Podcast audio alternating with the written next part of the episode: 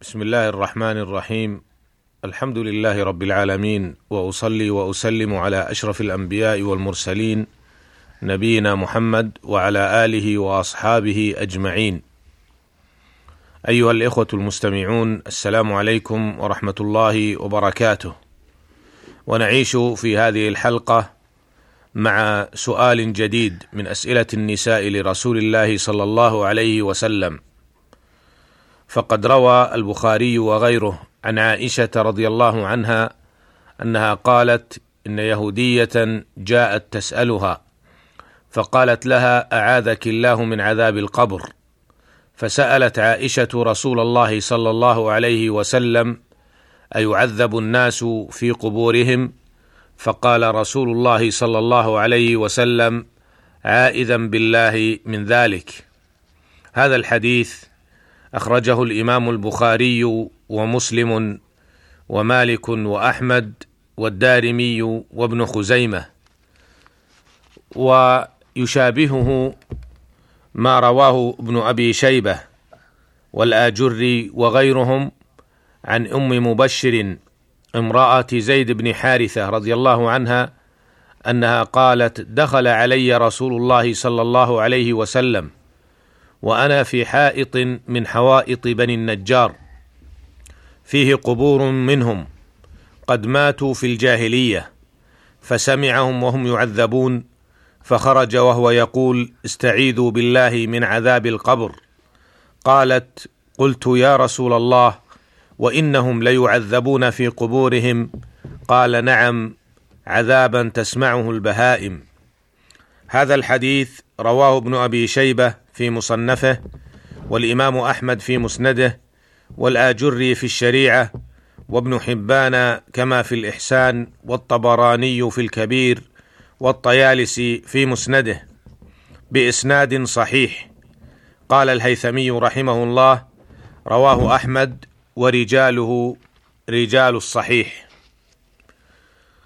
أيها الإخوة المستمعون هذا الحديث أو هذان الحديثان يدلان ويشيران إلى أن رسول الله صلى الله عليه وسلم ذكر فيهما مسألة غاية في الأهمية طالما وقف عندها سلف الأمة الصالح راغبين راهبين ألا وهي مسألة القبر نعيمه وعذابه ويمكن تلخيص الكلام حول ذلك الموضوع المهم في النقاط الآتية.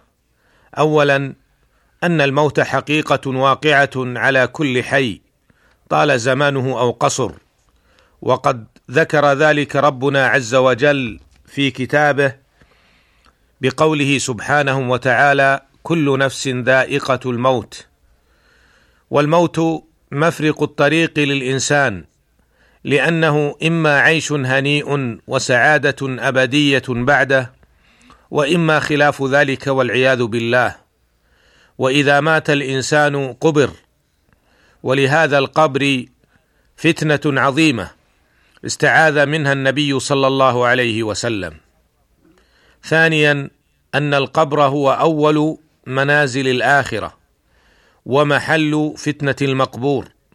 فإذا وضع الميت في قبره يأتيه ملكان ويسألانه من ربك وما دينك ومن نبيك فيجيب المؤمن بربه عز وجل ربي الله والإسلام ديني ومحمد صلى الله عليه وسلم نبيي أما الكافر والمرتاب فيقول ها ها لا أدري سمعت الناس يقولون شيئا فقلته.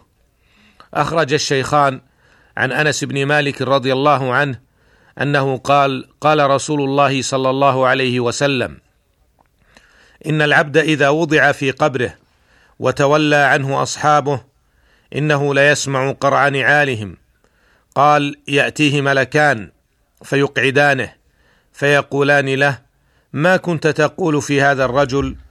قال فأما المؤمن فيقول أشهد أنه عبد الله ورسوله.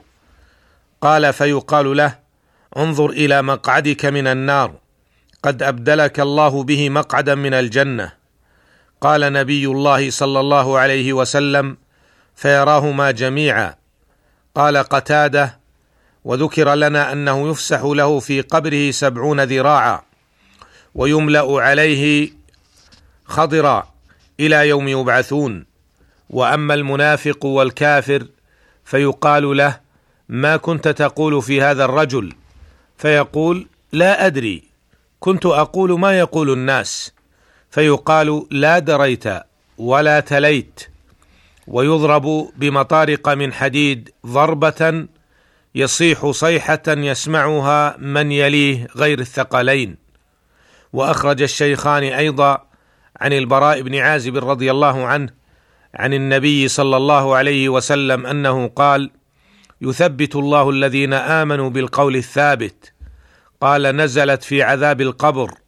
فيقال له من ربك؟ فيقول ربي الله ونبي محمد صلى الله عليه وسلم. فذلك قوله عز وجل يثبت الله الذين آمنوا بالقول الثابت في الحياة الدنيا وفي الآخرة. ثالثا وبعد, وبعد فتنة القبر هناك من ينعم إلى أن تقوم الساعة. وهناك من يعذب. فأما المؤمن فينعم نعيما يحصل لروحه ولبدنه ويحصل للروح منفردة عن البدن. وأما الكافر والمنافق فيعذب إلى أن تقوم القيامة. وقد تضافرت الأدلة على ذلك. قال تعالى في إخباره عن حال آل فرعون بعد هلاكهم قال وحاق بآل فرعون سوء العذاب النار يعرضون عليها غدوا وعشيا ويوم تقوم الساعة أدخلوا آل فرعون أشد العذاب. فنلحظ هنا قوله النار يعرضون عليها غدوا وعشيا يعني باستمرار. ثم قال ويوم تقوم الساعة أدخلوا آل فرعون أشد العذاب. فدل على أن الأول قبل القيامة وبعد الموت. وأما الأحاديث فقد قال عنها الإمام النووي رحمه الله وتضافرت به الأحاديث الصحيحة يعني نعيم القبر وعذابه عن النبي صلى الله عليه وسلم من رواية جماعة من الصحابة في مواطن كثيرة ولا يمتنع في العقل أن يعيد الله الحياة في جزء من الجسد ويعذبه وإذا لم يمنعه العقل وورد به الشرع وجب قبوله واعتقاده. انتهى كلامه رحمه الله. ومن الأحاديث حديث عائشة وحديث أم مبشر. ومن ذلكم أيضا ما أخرجه الشيخان عن ابن عباس رضي الله عنهما أنه قال مر النبي صلى الله عليه وسلم على قبرين فقال إنهما ليعذبان وما يعذبان في كبير. أما أحدهما فكان يسعى بالنميمة وأما الآخر فكان لا يستتر من بوله. وروى مسلم في صحيحه عن زيد بن ثابت رضي الله عنه أنه قال بينما النبي صلى الله عليه وسلم في حائط لبني النجار على بغلة له ونحن معه إذ جاءت إذ حادت به فكادت تلقيه. وإذا أقبر ستة أو خمسة أو أربعة. فقال صلى الله عليه وسلم من يعرف أصحاب هذا هذه الأقبر؟ فقال رجل أنا. قال فمتى مات هؤلاء؟ قال ماتوا في الإشراك. فقال إن هذه الأمة تبتلى في قبورها فلولا ألا تدافنوا لدعوت الله أن يسمعكم من عذاب القبر الذي أسمع من الذي أسمع منه. ثم أقبل علينا بوجهه فقال تعوذوا بالله من عذاب النار. فقالوا نعوذ بالله من عذاب النار. فقال تعوذوا بالله من عذاب القبر. فقالوا نعوذ بالله من عذاب القبر. قال تعوذوا بالله من الفتن. ما ظهر منها وما بطن. فقالوا نعوذ بالله من الفتن. ما ظهر منها وما بطن. قال تعوذوا بالله من فتنة الدجال. قالوا نعوذ بالله من فتنة الدجال. ومن ذلكم ما أخرجه الشيخان عن ابن عمر رضي الله عنهما أن رسول الله صلى الله عليه وسلم قال إن أحدكم إذا مات عرض عليه مقعده بالغداة والعشي إن كان من أهل الجنة فمن أهل الجنة وإن كان من أهل النار فمن أهل النار فيقال هذا مقعدك حتى يبعثك الله يوم القيامة. رابعا وأما كيفية هذا النعيم أو العذاب فلا يعلمها إلا الله. قال شارح الطحاوية رحمه الله ولا نتكلم في كيفيته إذ ليس للعقل وقوف على كيفيته لكونه لا عهد له به في هذه الدار. والشرع لا يأتي بما تحيله العقول ولكنه قد يأتي بما تحار فيه العقول. خامسا والخلاصة في نعيم القبر وعذابه ما قاله الإمام ابن القيم رحمه الله. مذهب سلف الأمة أن الميت إذا مات يكون في نعام في نعيم أو عذاب وإن ذلك يحصل لروحه وبدنه وأن الروح تبقى مفارقة للبدن منعمة أو معذبة وأنها تتصل بالبدن أحيانا ويحصل له معها النعيم أو العذاب. انتهى كلامه رحمه الله. ومما يدل عليه الحديث أيضا أن البهائم تسمع عذاب القبر ومما يدل عليه أيضا أنه ينبغي للمسلم التعوذ بالله من عذاب القبر. كما هو توجيهه صلى الله عليه وسلم في الحديثين. وعلى المسلم أن يحذر من المعاصي شركا كانت أو غيرها فإنها سبب لعذاب القبر.